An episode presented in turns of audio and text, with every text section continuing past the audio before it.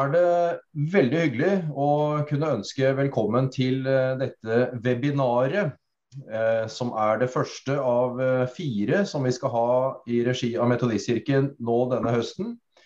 Og Temaet for dagens webinar det er ikke selvsagt at kristendommen ble som den ble.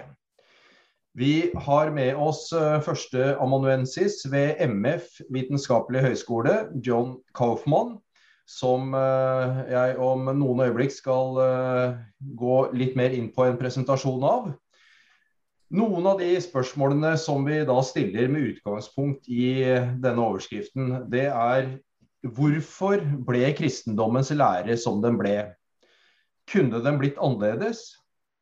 Og Hvis svaret er eh, at den kunne ha blitt annerledes, betyr det at Gud ikke handler i kirken eller historien. Og John Kaufmann eh, har eh, jobba mye med disse spørsmålene. Hans eh, spesialitet på eh, MF vitenskapelig høgskole det er teologien i den tidlige kristendommen, med hovedvekt på det andre og tredje århundret. Og han har jobba spesielt med frelsesforståelsen hos Ireneus, som skrev mot slutten av 100-tallet. Jeg har forberedt meg på denne, dette webinaret ved å høre på et par podkaster som uh, John har vært med på tidligere. Og uh, tenker at her er det mye både interessant, men også relevant stoff. Eh, noe av det John var inne på i de to podkastene, det var noe han sa om at det ikke var selvsagt at kristendommen måtte bli som den ble, siden diskusjonene og valgene som ble tatt, faktisk var reelle diskusjoner og reelle valg.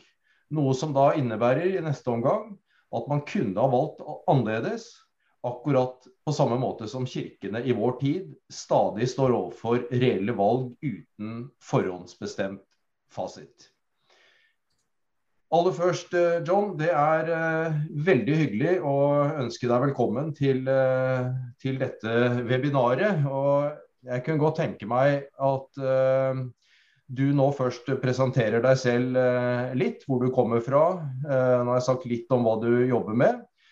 Deretter så gjør vi det sånn at jeg stiller noen spørsmål til, for å liksom få samtalen i gang. Og så vil vi etter hvert eh, gi anledning til både spørsmål og kommentarer, og legge opp til en samtale med de som måtte ønske det underveis. Og da eh, vil jeg be dere, hvis dere ønsker å ta ordet, om at dere rett og slett raise hand. Eh, så skal jeg følge med på, på hvem av dere som ber om ordet etter hvert. Og jeg gjør også oppmerksom på at dette webinaret blir eh, tatt opp. Eh, og vi kommer til å legge det på Metodistkirken sin nettside og Facebook-side i ettertid. Hvis det er noen som ikke ønsker å være med på det som blir eh, tatt opp og lagt ut, så må dere gi beskjed om det, så skal vi sørge for at det blir sletta fra det som eh, publiseres i ettertid. Så er det en mulighet nå.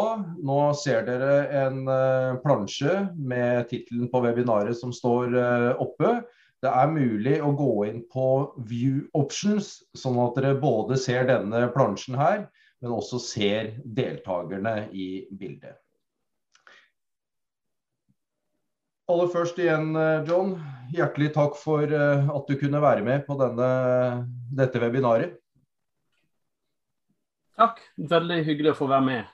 Um, ja, det, det, er fint at, at de podkastene fra et par år siden får uh, fortsatt litt, uh, litt ringvirkninger. Absolutt. Jeg er førsteamanuensis i kristendommens historie på MF. Har studert både idéhistorie og teologi. Har en uh, doktorgrad i teologi fra MF med arbeid på tidlig den tidlige kristendommens historie. Min bakgrunn Jeg er amerikaner, heter John da, ikke Jon. eh, som du helt riktig sier, Knut.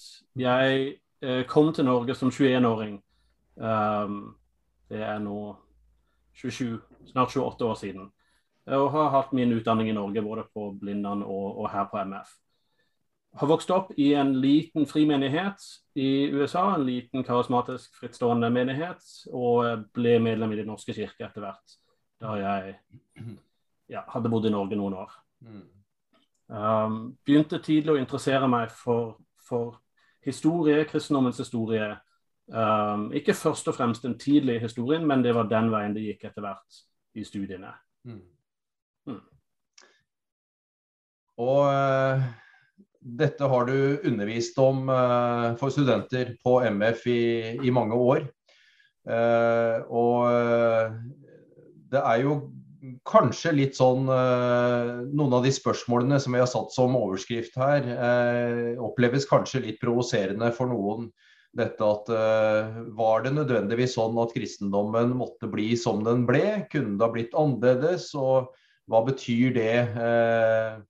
Uh, og både i et sånn historisk perspektiv, også i et uh, teologisk perspektiv, selvfølgelig. Og det er noen sannsynligvis noen linker her til hvordan vi tenker om kirke, og hvordan vi kommer fram til posisjoner i dag.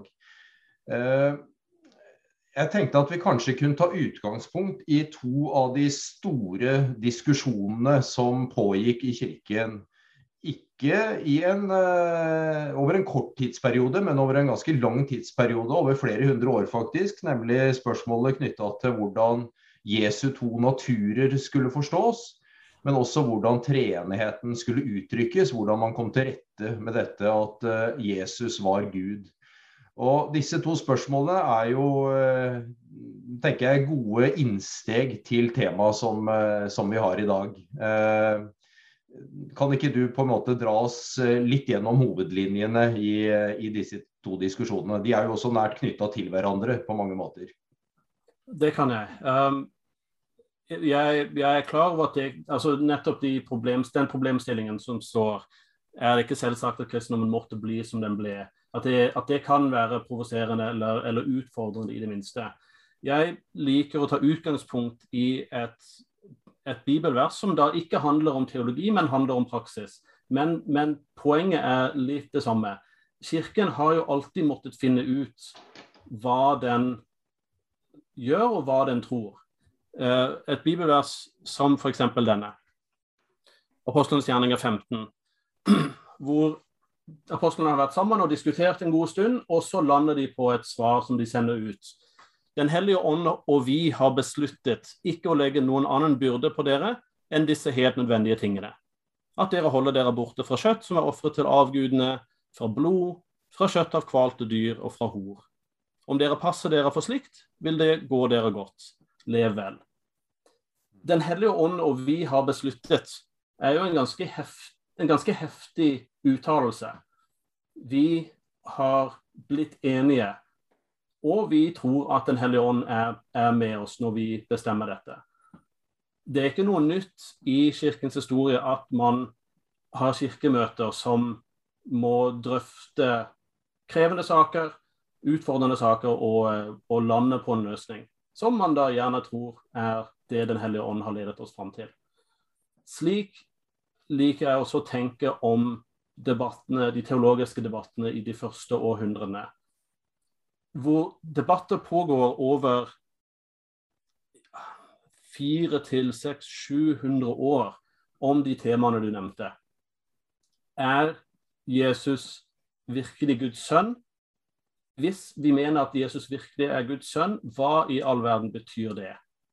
Hva betyr det at et menneske som vi vet er født i Betlehem, levde i Galilea, døde i Jerusalem, at han er Gud eller er Guds sønn. Um, de, de, tidligste kristne kildene vi har, er jo i Det nye testamentet. Og de omtaler han på en eller annen måte som guddommelig. Men når det er sagt, så er det masse spørsmål som gjenstår. Og akkurat som apostlene her i Apostlenes gjerninger 15 må, måtte finne ut ok, hvordan praktiserer vi noen ting som har blitt prekære, noen prekære spørsmål. Hva gjør vi med offerkjøtt? uh, osv. Slik gikk det også med en del teologiske spørsmål rundt hvem Jesus er. For, fordi spørsmålet om, om Eller et, en påstand om at Jesus er Guds sønn og Jesus er guddommelig, den blir til i en setting hvor det finnes mange guder i den greske og romerske verden. Grekere og romer som hører, romere som hører denne påstanden, de kan fort tenke ja, OK, Jesus er en gud, sånn som mange andre guder. Men, men, de som trodde på Jesus, ville si nei, nei, nei, det er ikke, det er ikke sånn vi mener det.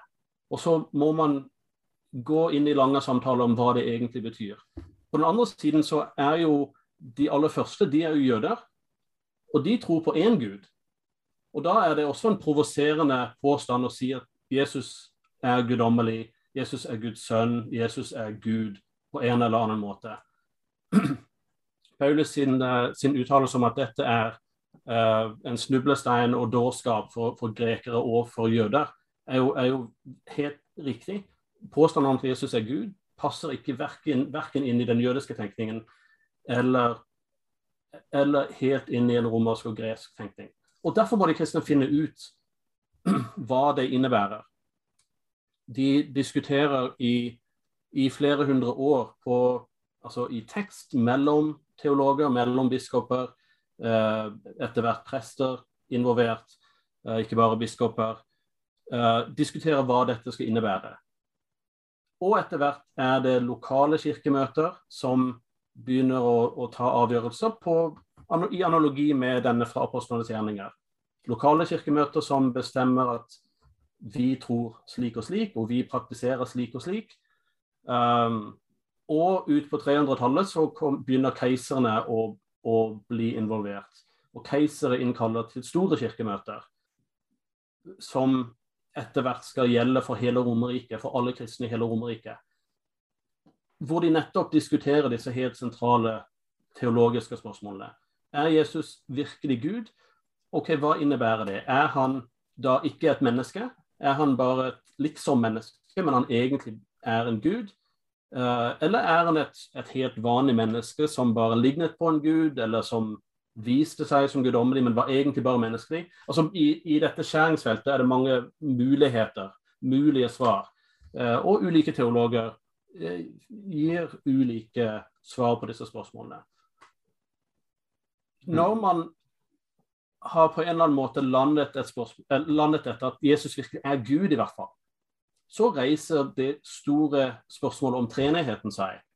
Uh, og, og hvis, hvis, man også sier at Den hellige ånd er guddommelig, okay, hva, altså, hva betyr det, da? Tror vi kristne på tre guder?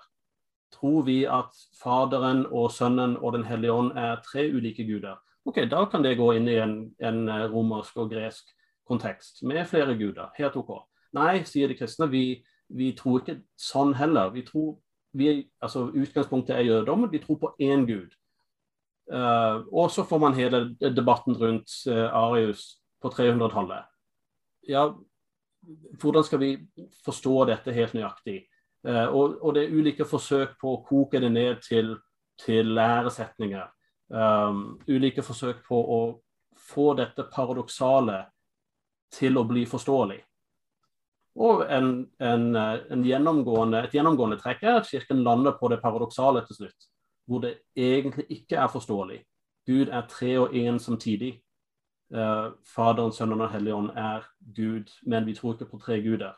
Det er et paradoks som ikke går opp matematisk, men det er der Kirken lander. Man lander spørsmålet om hvorvidt Jesus virkelig er Gud, eller, eller virkelig eller mest er menneske, med å si ja takk, begge deler. Litt sånn Ole Brumm, ja takk. Han er både Gud og menneske. Uten å blande de to sammen, uten å skille de to fra hverandre.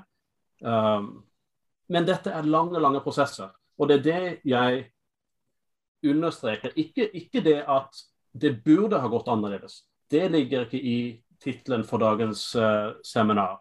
At det burde gått annerledes. At kristendommen burde blitt noe annet enn den ble. Men fordi dette er mennesker av kjøtt og blod som sitter og skriver tekster og diskuterer på kirkemøter, og alle partene som er uenige med hverandre, på begge sider, og vi kjenner godt til det i vår tid, at kristne står på begge sider i en debattsak. Også den gang så er det kristne på begge sider som virkelig tror at de har Gud på sin side. Som, oppriktig, eh, som er oppriktige, fromme kristne. Som argumenterer for sin forståelse av hvem Jesus er, hvem Gud er, uh, hva den sanne teologien er. Mm. Og, og, sånn sett kunne det ha gått annerledes det er mulig altså Arius kunne ha vunnet debatten på 300-tallet. Og da hadde alle vi vært arianere. Da hadde Metodistkirken også vært ariansk. Fordi det ville blitt den dominerende tradisjonen som ble den katolske ortodokse tradisjonen, som ble den engelske som den metodistiske vokste ut av. Så det, det, er teori, en teoretisk mulighet. Sånn gikk det ikke, men det, det kunne ha gått den veien. Og så kommer hele det teologiske spørsmålet. Var um, altså Er ikke Gud slik at han, Gud er treenig? Er ikke det sannheten? Vi, vi, har ikke tilgang til det annet enn gjennom disse debattene og kirkemøtevedtakene. Lenger enn det kan ikke jeg gå, på en måte, som, som historiker. Jeg kan ikke si hvordan Gud egentlig er i seg selv. Jeg kan si noe om hvordan læresetningene vokste fram og ble til. Hmm. Noe av det du sier nå, det indikerer jo veldig tydelig, og det er du også inne på i disse podkastene som jeg nevnte, at eh, altså tidlig kristen praksis, og da snakker vi faktisk om flere, flere hundre år, eh, det var ikke noen entydig verken praksis eller eh, teologi, for å si det sånn, men kristendom var en mangfoldig størrelse som ga seg uttrykk på mange måter. og Sånn sett så er det vel ikke mulig å si at uh, den tidlige kristendommen var en entydig størrelse. Er det, er det, riktig forstått? Det er slik jeg vil fremstille det, ja. Mm. Jeg har, uh, I min undervisning tar jeg opp, ofte opp denne sliden som kommer nå. Hvor, og jeg bruker denne i mange ulike emner uh, og ulike studier her på MF. Fordi den, den, altså det, det, den, den kan gå inn i mange ulike diskusjoner. Eh, og jeg vet at noen av mine studenter eller tidligere studenter sitter her og har sett dette før. Men et, et helt enkelt, banalt poeng. Alt har en historie. Alt blir til over tid. Jeg har snakket om disse læresetningene, men også praksisene. Jeg underviser et emne om, eh, om den kristne dåpen og nattverden. Eller har en del av et emne hvor vi snakker om dåp og nattverd i den tidlige kristendommen. Og hvordan det utviklet seg over tid det er mange ulike sider ved den kristne troen. Jeg, spør alltid førsteårsstudenter hva er en kristen? Er en kristen en som gjør bestemte ting, eller tror bestemte ting? Begge deler. Ja, selvsagt er det begge deler, men hva slags ting er det man tror eller gjør? Hva, hvilke sider av den kristne kulturen snakker vi om her? Vi snakker om hellige skrifter. Hvordan ble Bibelen til? Hva skulle være Bibelen? Skulle man i det hele tatt ha hellige skrifter? Det var ikke selvsagt i antikken at en religion måtte ha hellige skrifter. Jødene hadde det, men, men det var ikke en, en nødvendig slutning. Det, det, fant de kristne ut underveis. Og hva de skriftene skulle være for noe. Hva innholdet var. Noe så banalt som bygninger. Hva slags bygninger skulle de bruke? Altså, Hjemmekirkene møtes i hjemmene begynner å bygge egne bygninger etter hvert i Romerriket. Hvordan skal de se ut? Hva, hva, er inventaret der? Det er resultatet av en lang prosess. I ritualene, praksisene, ikke minst hele den altså årshjulet, kristne, den kristne kalenderen. Hvordan skal vi feire påsken, og når begynner vi med julefeiring? Ikke før i hvert fall ut på 200-tallet. Eh, hvordan skal eh, eh, påsken feires? Vi har en 40 dagers faste før, før påsken, men det, det, var ikke med fra starten av. Så alt dette har sin historie, sin utvikling. Symbolene, hva er det viktigste kristne symbolet? Det er jo eh, korset. Men det er først på 400-tallet at vi, vi har det, det, altså det tidligste bevarte eksemplaret av korset som symbol er fra 400-tallet. Jeg, altså jeg er amerikaner, kommer fra en, et land som fortsatt praktiserer dødsstraff elektrisk stol eller en benk som fangen festes til og injiseres med, med gift. Å bruke korset som symbol ville for en amerikaner vært som å bruke en elektrisk stol som smykke rundt halsen, eller en giftbenk. En henrettelsesmetode. Sant? Det tar lang tid før det blir et symbol de kristne virkelig bruker. Um, og så det vi har snakket om så langt, uh, læren, det, altså, kanskje, det mest, kanskje det viktigste her. Uh, også det har sin lange historie, blir til over tid. Og, og, hele poenget mitt er at ingenting av dette var gitt, var selvsagt, måtte bli som det ble. Fordi det var reelle diskusjoner med oppriktige, troende kristne. Altså troende, Jesus-troende, hvis vi bruker det som en definisjon på, på en kristen. En som tror på Jesus på en eller annen måte.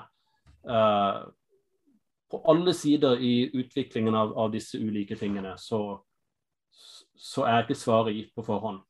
Uh, og den blir til underveis. Og så et siste poeng her. Um, dynamikken før og etter at keiseren har blitt kristen, er litt ulik. Ikke minst ved det at keiserlig makt er en faktor. At keiseren kan innkalle til møter, kan finansiere møter. At keiseren finansierer kirkebygg. Påvirker hvordan de byggene ser ut, hvor store de kan være. Eh, altså hvor mye penger de har. At, at, man innfører en form for skattefritak for presteskapet og biskopene eh, fra keiserlig hold. Altså alt dette påvirker alle disse debattene det er et ledd i utviklingen av den kristne bibelen at keiser Konstantin ikke bestemmer hva som skal være Bibelen, men bestiller 50 bibler til bruk i ulike kirker. Og hvis keiseren ønsker 50 store, fine, storslåtte eh, bibler, så må man faktisk liksom vite hva innholdet skal være i de. Eh, det påvirker prosessene. Jeg vet ikke om jeg svarte på ditt spørsmål, men, eh, men dette var i hvert fall et utgangspunkt for, for, bakgrunnen for overskriften for i dag. At alt dette kunne ha endt med andre svar, andre løsninger, enn det det gjorde. Jeg syns du har svart godt på, på, spørsmålene, og eh, du er veldig dyktig til å eh, framstille forholdsvis avanserte prosesser på en lettfattelig måte. Veldig bra. Eh, hvis vi går litt videre, så går det an å, eh, å tenke da eh, altså dette, Du har skildra nå en prosess som går over noen hundre år, fram til kanskje 600-700-tallet. og så vil kanskje noen si at at ja, det er fint, men da denne prosessen var ferdig, så var på en måte det meste sagt og etablert eh, på de aller fleste områder av de kulepunktene som du har her, bl.a. Eh, men hvordan vil en historiker se på det? Altså, Kommer man på et eller annet tidspunkt til noe som på en måte eh, måtte være evigvarende, da, for å si det på den måten? Mm. Særlig lærespørsmål er jo, er jo um, altså Det er kanskje det viktigste her igjen hvor, hvor, noen dogmer har blitt vedtatt på kirkemøtet, og man sier dette, dette står fast, dette kan ikke vi rokke ved. Eh, til syvende og sist så er det i, i praksis kun den nikenske trosbekjennelsen som blir til i løpet av 300-tallet. Eh, ut, utformes på to kirkemøter, i Nikea 325 og Konstantinopel 381, eh, hvor treenighetslæren slås fast. Den er ganske kortfattet. Uh, det er ikke mye teologi der. Det, det er noen uh, altså, det, altså, Fader, Sønn og Hellig Ånd på lik linje. Alle tre er Gud. Um, det er grunnlaget for, for, Kirkenes verdensråd i praksis. Troen på den tredje Gud. Alle disse andre spørsmålene uh, altså, de lever videre som litt sånn åpne spørsmål. Spørsmål om Jesu to naturer, Jesu guddommelighet og menneskelighet, og hvordan de to sidene ved Jesu natur forholder seg til hverandre, eller de to naturene i personen Jesus, hvordan de forholder seg til hverandre. Det er utgangspunktet for splittelsen mellom kirken i Romerriket og kirkene øst for Romerriket. Så altså den koptiske kirken i Egypt, den syriske kirken i uh, Syria og, uh, og Øst-Tyrkia, den um, det vi, det vi, ofte kaller den nesorianske kirken. Kirken i Irak, Iran, Afghanistan var en, var en stor kirke, har blitt mindre med årene. Disse var uenige med kirken i Romerriket om det sentrale punktet om kristologien. Jesu to naturer. Altså litt ulike nyanser der, og det ble en kirkesplittelse. Uh, så hvis man, hvis man sier at et kirkemøte har avgjort dette en gang for alle, så må man også ta stilling til ok, hva, hva med alle de som utelukkes av den avgjørelsen.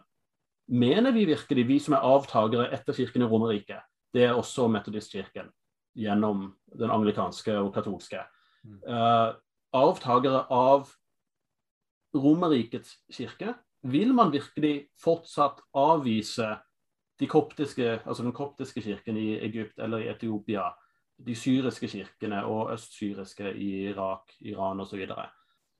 Eller vil man ha en åpnere holdning og si OK, de, de, disse, disse, diskusjonene fra den gang de hadde sin kult, kulturelle kontekst, politiske kontekst.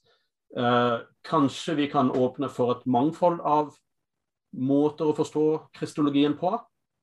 Det er kanskje mindre truende enn å åpne for et mangfold av treenighetslærer. Men, men, i prinsipp så er det det samme Jeg opplever ikke det som veldig det Jeg opplever ikke at det er veldig stor forskjell mellom de to spørsmålene. Men i, i kirkens praksis ser jeg at det, det håndteres veldig ulikt. Mm. Mm. Treenighetslæren fra Nikea og den nikenske trosbekjennelsen, det står fast, urokkelig. Mens mange andre spørsmål ble aldri gjenstand for vedtak. Uh, hva er frelse? Ble ikke en sånn vedtakssak under kirkemøtet i antikken. Uh, det ble det dominerende spørsmålet i, uh, på reformasjonstiden. Men, men, ulike kirker ender opp med ulike svar på dette. Og Derfor ender vi opp også med ulike kirkesamfunn. Fordi en, en gruppering ender opp med noen bestemte standpunkter mm. som er avvist av andre. Um, så i prinsipp så er det helt, jeg tenker det er helt greit å være som sier at disse tingene ble avgjort en gang for alle. Men når det virkelig kommer til stykket, hvilke ting er det vi snakker om? Hvor låst er, er vår teologi? Mm. Og hele den moderne systematiske teologien eh, bygger på at, at, det fortsatt går an å diskutere det meste. Fordi i en ny tid er det nye spørsmål som kommer, dukker opp. Det er også derfor vi får både reformasjonen og eh, eh, altså nye kirkesamfunn som oppstår etter hvert. Nye erfaringer i en ny tid. Gjør ikke bare at man liksom føler behov for å kjempe kampene på nytt fra en eller annen gang i fortiden. Men det er nye spørsmål som dukker opp. Og de nye spørsmålene må også få svar. Og det igjen vet dere i Metodistkirken veldig godt. at altså, Nye spørsmål dukker stadig opp, om vi vil eller ei. Og vi må ta stilling til de, og de kan føre til splittelse, eller vi, man kan Ja, det, man har ulike måter å løse det på. Og den dynamikken har man sett hele veien. Vi, vi, var inne på uh, innledningsvis her hvorvidt dette uh, er provoserende. Du brukte ordet uh, utfordrende. Det går an å tenke på et ord som at dette er en trussel. Er det, er det ting du eh, møter når du underviser om dette? Absolutt. Jeg, Det er veldig spennende å undervise om dette. fordi, og Jeg underviser om dette i litt ulike settinger på MF, ulike studentgrupper. Uh, i en, uh, et, altså Vi har et program på engelsk, uh, bachelorgrad i, i religion og, teologi, hvor de fleste studenter er fra Filippinene eller fra ulike land i Afrika. Uh, de møter noen av disse utfordringene på en annen måte enn teologistudentene. Men også teologistudentene er veldig mangfoldige. Jeg møter både teologistudenter som, som opplever min undervisning som veldig veldig krevende. Det utfordrer troen de har vokst opp med, eller utfordrer det de har med seg hjemmefra. Og så i, de samme, i det, det, samme klasserommet så er det teologistudenter som opplever dette som svært befriende. Uh, det åpner rommet. Oi, det, det, går faktisk an å tro når man har en, en, et åpnere blikk på utviklingen av den kristne troen. Uh, så jeg møter begge deler. Og, og, og, det blir stort sett eksistensielt. Det er et et av de fineste øyeblikkene i undervisningen var for noen år siden da en student etter min forelest, altså åtte dobbelttimer om teologiutviklingen i den, den, tidlige kirken, hvor en student sukker bare åh, dette ble eksistensielt. Men på en veldig god måte. Mm. Det er jo det jeg ønsker.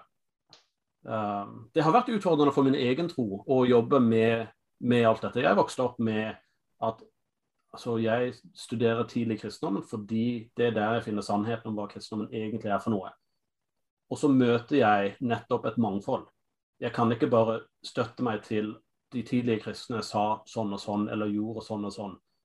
Uh, for, nettopp fordi den tidlige kristendommen også er mangfoldig, og de må ta alle disse valgene. Mm. Så hvis jeg sier jeg vil bare støtte meg til de tidlige kristne, så må jeg samtidig ta noen valg hvilke av de tidlige kristne skal jeg støtte meg til? Skal jeg automatisk støtte meg til de som vant eh, debattene, de som dermed per definisjon ble ortodokse? Da må jeg f.eks. utelukke den koptiske kirken. Men ønsker jeg det? Altså, det, Med en gang man begynner å gå inn i dette, så, så reiser en del sånne spørsmål seg. Mm. Hvem er det jeg støtter meg til? Mm. Og for min egen del så har det blitt en Altså Løsningen har mer eller mindre blitt at jeg holder mye av dette med en åpen hånd. Jeg bruker det, jeg har brukt dette i alle de podkastene du har hørt på. Dette bildet at jeg har, jeg har, mottatt en tradisjon, både fra kirken jeg vokste opp i USA, fra, fra Den norske kirke i årene her, kristendommens tradisjon som jeg Eller ulike tradisjoner. Jeg, jeg mottar dette. Uh, har mottatt dette som uh, en overlevering. Og tar imot det med en åpen hånd. Griper ikke det veldig, veldig fast med knytt neve. Dette må være sant. Men jeg har ikke funnet noen grunn i mine studier til å forkaste det heller. Mm. Og, og, er fortsatt troende. Mm. Men, men, jeg er mye mindre skråsikker på det meste enn jeg var som 21-åring. Jeg er sikkert på være svært, svært lite nå.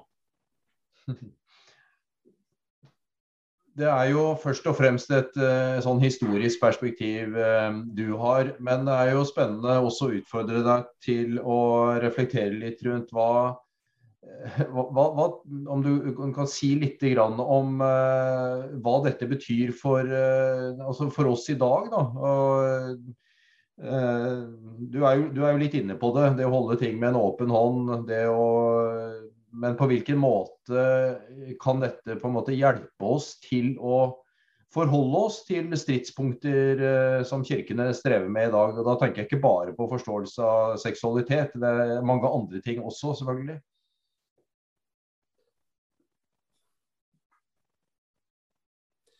En, et sted å begynne er å si Jeg er veldig klar over at, at de problemstillingene jeg jobber med, og de, ja, de tingene jeg baler med å snakke om i, i, i undervisning og podkast og, og, nå i dag, det er fordi jeg jobber som historiker på det stedet jeg gjør, med de utdanningene jeg jobber med. Jeg er nødt, jeg er tvunget til å jobbe med disse tingene. Det er, altså er levebrødet mitt, og, og, da må jeg bare være i det. Uh, av og til skulle jeg ønske at jeg bare kunne trekke meg tilbake og gjøre noe helt annet. Ikke måtte bale med, disse, med litt utfordrende spørsmål.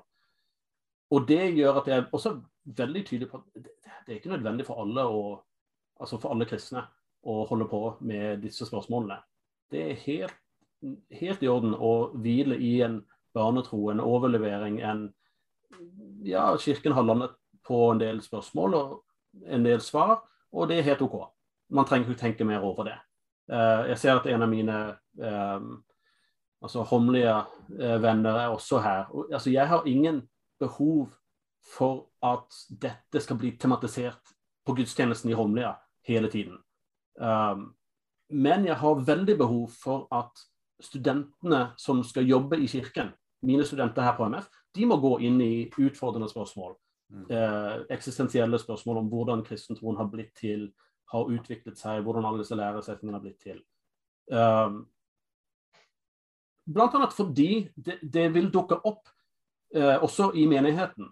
Eh, altså Folk som har lest noe og er blitt utfordret, og hva, hvordan ble dette egentlig til? Da, da må en, en, kirkeleder, en prest eller en kateket eller en diakon eller hvem som helst, må, må ha balet litt med dette sjøl. Eh, en, en, anekdote jeg ofte forteller, er, er en, en, student som fortalte en gang om oppveksten i en, en kristen setting Eh, troen var, var, helt altså uproblematisk, gikk i menighet, var aktiv. Men så ble treenighetslæren så utfordrende for vedkommende. Eh, det, det går ikke opp eh, matematisk, logisk, det er paradoks. Um, er Jesus virkelig Gud? Hva skal det bety? Altså, dette ble så problematisk for vedkommende, ut, helt uavhengig av at en prest satte det i gang. Um, at, at, vedkommende endte opp med å forlate troen. Jeg kan ikke være aktiv i en menighet, uh, opplevde vedkommende, når jeg tviler så sterkt på et så sentralt kristent dogma. og det, det satte i gang mange tanker hos meg, mange spørsmål. Ja, er det sånn at, at det som på mange måter er en kognitiv uh, greie, å gi sin kognitive tilslutning til treenighetslæren Kall det tro, men det er jo en sånn kognitiv greie. Er det slik at hvis du ikke kan gjøre det, så kan du ikke være en del av det kristne fellesskapet? Du, du kan ikke være en, en, aktiv del av kirken.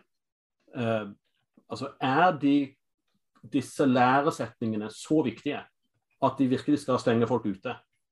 Eller hvor åpne skal vi være? Det, det er én inngang til dette. Um, når du spør hva, hva skal vi gjøre i dag med, med, ulike spørsmål som dukker opp, hvordan håndterer vi? Kan, vi kan ikke bare sitte med en åpen hånd med alt. Kirken må ta noen valg. Det er igjen, Jeg har jo snakket litt med Hilde Marie på, på MF. Jeg vet at Metodistkirken holder på med med store, krevende spørsmål. Og man må lande et eller annet sted, ta noen valg. Og for meg har det blitt et, et viktig prinsipp som jeg vet er, kan utfordres, kan diskuteres, er sårbart. Men et viktig prinsipp er dette med hva gjør de valgene vi tar, de læresetningene, de etiske eller læremessige avgjørelsene vi tar, hva gjør de med mennesker? Gjør de at menneskers liv går til grunne, eller gjør de at, at menneskers liv blomstrer, for, for å bruke et, et, et, et ubeskyttet ord? Eh, får den kristne teologien oss til å leve bedre, eller undertrykker det oss? Eh, og, altså, det gjenstår en hel masse diskusjon etter at man har sagt det, men for meg er det blitt et utgangspunkt, i hvert fall. Uh, ok, Hvis en, en læresetning eller en uh, en uh, avgjørelse har blitt så krevende at den virkelig ødelegger liv, da bør, bør, den kanskje tas opp til vurdering eller diskuteres på nytt. Og så må man kanskje finne en annen løsning. Men for det aller meste så har jeg ikke behov for å diskutere på nytt spørsmål som en gang tidligere har blitt landet. Ja. Mm. Noen tanker om dette? Takk skal du ha så langt. Eh, nå eh, åpner vi for eh, spørsmål og kommentarer fra deltakerne. Jeg ser at det er én som har bedt om å få ordet. Vi har tid til flere, så bare tegn dere her etter hvert som dere har lyst til å si noe. Nå er det en til. Da gir jeg først ordet til Anne Grete Spæren Rørvik, som er prest i Metodistkirken i Drammen. Vær så god, Eh, Anne Grete, og deretter er det Ivar Granum. Tusen takk. Takk for uh, flott foredrag, særlig det siste du sa om å, hvorvidt uh, dogmer undertrykker eller hjelper til å leve. Men du sa også nå ganske nylig at du ikke hadde behov for å få disse temaene på en vanlig gudstjeneste. Jeg tok ut min utdannelse på 70-tallet, og da hadde jeg gått i Metodistkirken i mange år. Og jeg følte meg så snytt. Nettopp fordi jeg ikke hadde møtt noen av disse tankene nettopp i, i forkynnelsen. Altså Hvorfor må man på en måte få de eksistensielle problemene først når man studerer teologi? Eh, det, det, det, i hvert fall var det sånn opplevelse for meg at det syns jeg var utrolig dumt. Kjempefint innspill. Takk for det. Det er veldig veldig hyggelig å høre det, eh, egentlig, det, det, du sier og det du utfordrer meg på. Veldig, veldig fint. Um, ja, eh, ja, hvorfor ikke? Jeg, jeg, jeg, vil ikke si at man, man bør unngå det. Uh, he, poenget mitt var heller å si at altså har, det er ikke mitt primære ønske å røre opp og skape masse trøbbel i folks tro. Uh, men, men men jeg vet at dette, dette opptar folk. Dette blir uh, altså, dette, altså, Folk i menighetene tenker på disse tingene. Uh, så ja, hvorfor ikke? Ja, kjempefint. Og hvis man klarer å snakke om det på en måte som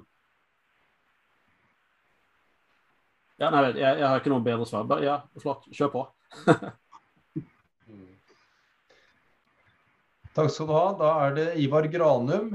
Han er eh, pensjonert metodistprest, bosatt på Hønefoss. Vær så god, Ivar. Eh, Ivar, kan du ta av eh, mut? Vi hører ikke deg. Ivar, du må slå på mikrofonen. Ja, der er vi. Mm. Der er vi. Jeg sier takk for en veldig interessant eh, undervisning. Um, du starta med å påpeke fra apostelmøtet eh, i apostelgjerningenes 15. kapittel at eh, allerede da så ser vi at eh, beslutningsorganet eh, innbefatter både skrift og erfaringer og, og innsikter om å fatte vedtak om uh, veien videre. Um, ser du at um, Til tross for det, ser du at uh, det var mer homogen forståelse om ulike spørsmål i det første århundret? Um, godt spørsmål. Uh, det aller første århundret, bare for å si det, ta forbehold om det, jeg jobber ikke altså lite direkte med Det nye testamentet. Først og fremst jobber jeg fra århundret og fremover med altså tolkning og teologien som blir til senere. Men mitt inntrykk av altså forskningen på Det nye testamentet er at også der har vi det, det samme mangfoldet som vi ser i de påfølgende århundrene. Men den er gjemt bak at tekstene vi har, er stort sett fra den ene siden. Men de tekstene vitner jo om dette mangfoldet. Altså det at de i det hele tatt måtte ha denne diskusjonen om hvorvidt man skal spise offerkjøtt eller ikke, og, og avstå fra blod, som for, for øvrig ingen nordeuropeere gjør. Uh, eller ikke pga. Bibelen, bare fordi de ikke liker blodpudding. Men uh, sant? Altså, bak dette ligger jo et, et mangfold. Og altså, diskusjonen mellom Peter og Paulus uh, eller ulike apostler. Det nye testamentet vitner stort sett om mer eller mindre én side i disse diskusjonene. Men vi glimter i, i mellom, altså mellom linjene at det er ulike standpunkter som de argumenterer mot. Paulus diskuterer eller avviser, men vi ser i stor grad ikke motpartens side. Det er litt som Av og til sammenligner jeg dette med det å sitte hjemme som barn og høre foreldrene snakke i telefon. Og du, du eh, gjerne kanskje diskutere i telefonen. For du hører din fars eller din mors side av saken, men du hører ikke motparten. Men du aner at det er en motpart der som mener noe annet. Uh, det, så, det, med det som utgangspunkt så, så, tenker jeg at den første kristne tiden, også fra Det nye testamentet, er mangfoldig. Og så må valg tas. Og så sitter vi igjen med i stor grad med, med tekster fra den ene siden. Var, var det et, et, slags svar på, på spørsmålet ditt, eller, eller, var jeg litt på en, en annen, et annet spor? Nei, det var, det var, et svar på spørsmålet, det. Og vi har jo konflikten og diskusjonen lenger tilbake. Når um, Peter har uh, døpt den uh, første romer, Cornelius, mm. så er jo også diskusjonen der når han kommer hjem igjen til Jerusalem. Og um, Eh, konfliktstoffet er jo der, og, og, det er parter i samtalen. Mm. Um, spørsmålet står jo da tilbake kanskje i hvilken grad har da skriftene som er nedfelt, en avgjørende betydning for den diskusjonen vi står oppe i nå. Mm. Men det er ikke emnet i, i dag. Mm. I vente på flere spørsmål, så, så, kan jeg også nevne Eller har du fått et spørsmål til, Knut? Nei, jeg har ikke det. Så uh, dere må bare kaste dere på her. Men uh, fortsett gjerne du, uh, John.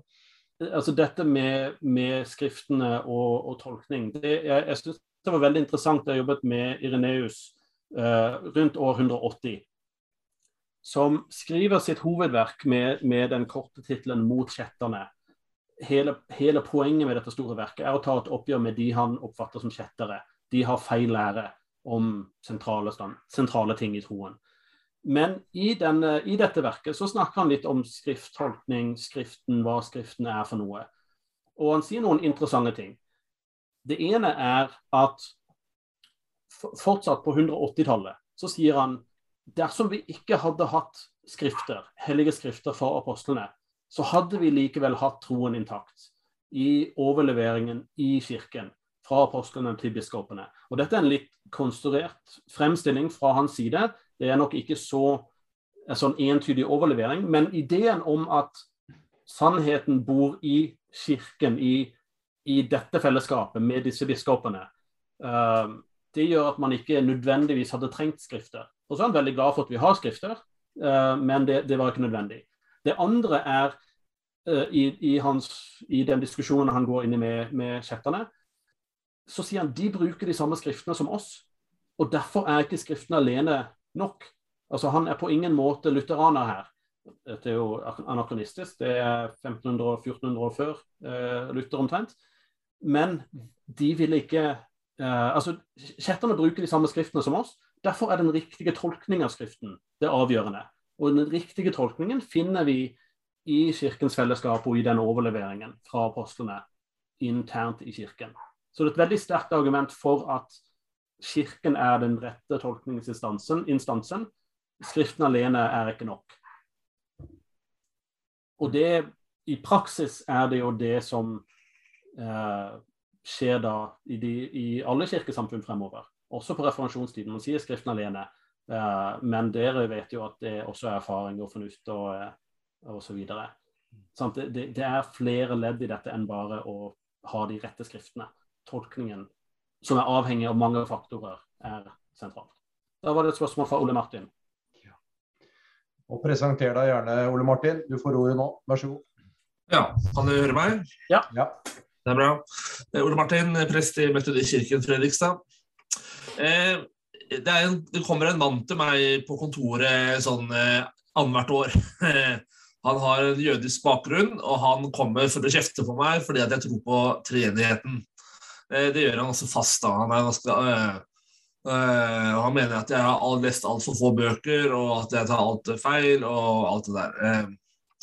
Det er interessant, da. Men øh, jeg prøver å avslutte den samtalen med han alltid og sier at du er alltid, husk at du alltid vil komme til gudstjenesten, sier jeg.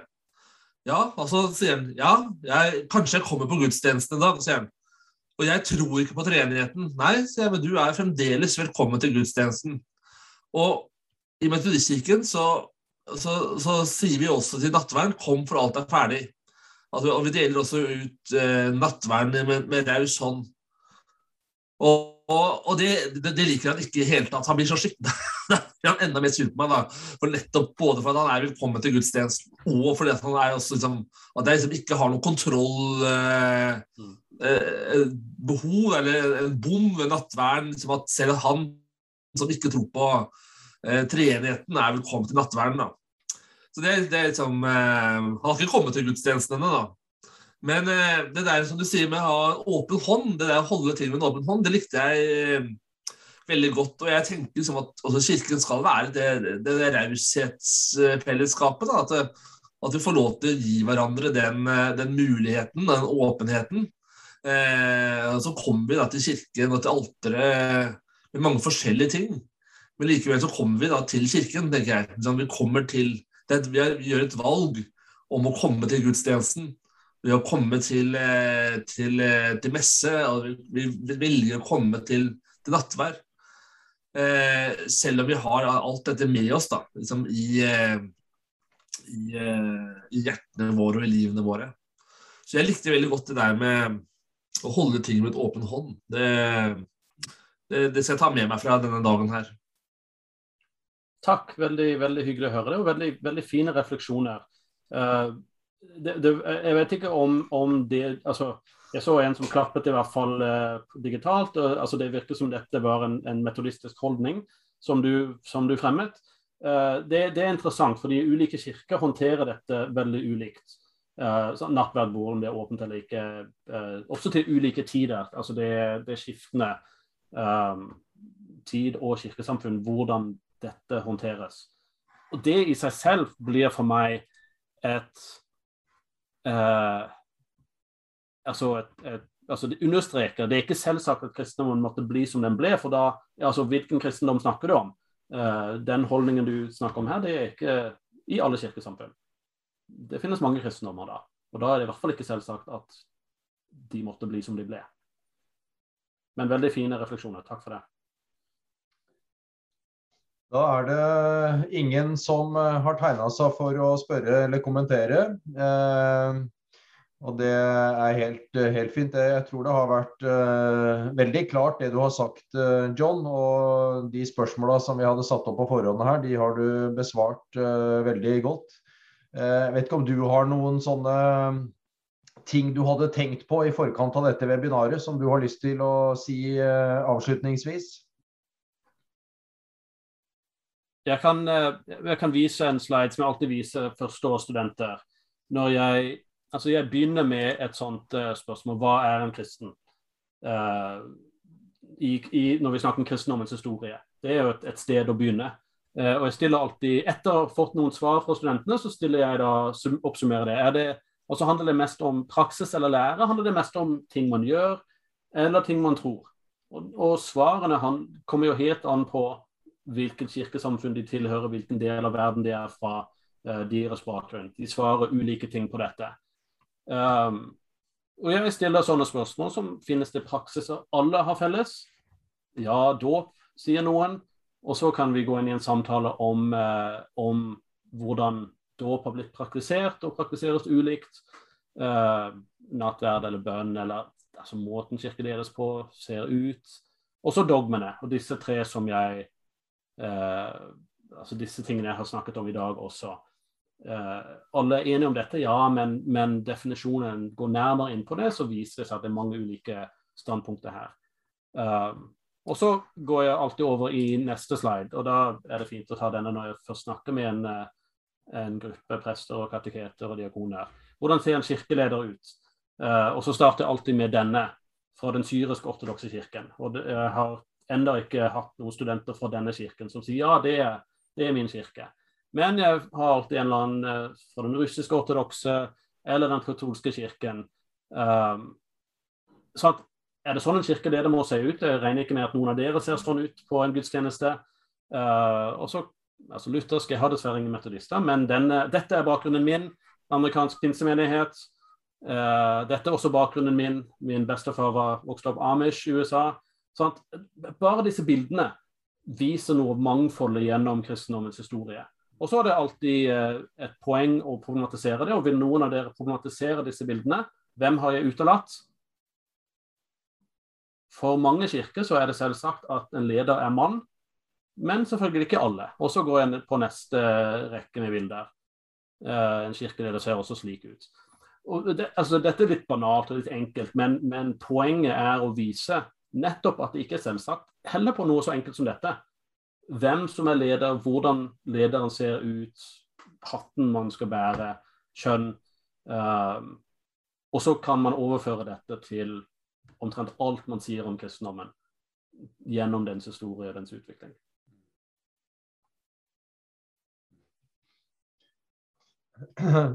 Bare en liten uh, unnskyld, refleksjon fra min side. Eh, ikke akkurat på dette her, men eh, i forhold til hvordan vi på en måte henviser til tradisjon, hvordan vi begrunner våre standpunkter. så og Hvis jeg da snakker med utgangspunkt i Metodistkirken, så er det jo sånn at vi vi alle på mange måter vil liksom eh, henvise til Wesley og hva han tenkte osv. Eh, og han var jo ganske mangfoldig, romma veldig mye. Eh, eh, noe av det jeg syns eh, er litt sånn fascinerende med Wesley, det er faktisk noe av det eksempelet som han ga i praksis. Altså En av hans nærmeste, for ikke si den nærmeste medarbeideren hans, bortsett fra broren Charles Wesley, var eh, George Whitfield. Og de to var dypt og inderlig uenige om et stort, stort spørsmål i sin tid, nemlig synet på predestinasjon. Eh, og, men til tross for det, og til tross for den viktigheten som eh, både Wesley og Whitfield eh, ga til det spørsmålet, så forble de medarbeidere. Og, og Wesley hadde egentlig bare gode ord å si om, om Whitfield. Eh, og, og, I den forbindelse så sier Wesley noe om at han, eh, at han primært vil vurdere trosoverbevisninger ut fra hvorvidt de bidrar til en forvandling av mennesket eller ikke. Og så lenge det ikke kan bevises at en spesiell trosoppfatning eh, ikke skaper den forvandlingen av mennesket ikke sant, eh, som Wesley var så opptatt av, så, eh, så ville han på en måte akseptere den. da. Og Det er jo sånn praktisk sikte, eh, men som også eh, har et sånn tydelig mangfoldsperspektiv over seg. Det er mulig at jeg leser og forstår Wesley litt med moderne øyne og inn i vår situasjon nå, men, eh, og andre vil kunne trekke fram andre sider ved Wesley, definitivt. Men, men dette er også en side ved det som jeg tenker representerer en god ressurs da, for, for metodistkirken i dag. Takk, veldig veldig interessant. Veldig gjenkjennelig for meg, min egen altså hvor jeg har endt opp med landet. Altså Dette begrepet blomstring, 'flourishing' på engelsk, har en god del teologer begynt å snakke om.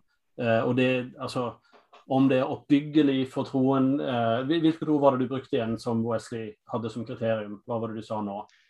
Eh, at eh, bidra til en forvandling av mennesket. Ja, forvandling. Og, og, altså, man kan tenke det, det er analogi med dette. Det som gir liv, det som, mm. som gjør at mennesker lever godt. Om, altså, hva man legger i forvandling, vil det da handle litt om. Mm. Um, men det høres da ut som Wesley Whitfield holder dette med prestasjon litt i en åpen hånd. I hvert fall ikke så knyttneve at de slår hverandre i hjel med det, mm. men at OK, vi, vi har våre ulike steder, men, eller våre ulike standpunkter her, men vi aksepterer hverandre. Og for meg er det å holde en åpen hånd, og det er et, et fint mangfold. Mm. Mm. Da vil jeg avslutningsvis uh, igjen, John, takke deg for uh, veldig, veldig spennende perspektiver og en strålende måte å presentere et til dels uh, komplisert innhold på. Du er en dyktig foreleser og samtalepartner. og dette har, uh, har jeg opplevd som en, eh, en, viktig time. Så hjertelig takk igjen for at du hadde mulighet til å bli med. Og eh, alt godt til deg videre i den viktige jobben du gjør som, som, lærer på MF. Takk skal du ha. Veldig hyggelig å være med. Veldig hyggelig å se noen av mine tidligere studenter i navnelisten, i hvert fall her. Og veldig, veldig fin, fint å være med på denne samtalen. Takk skal du ha.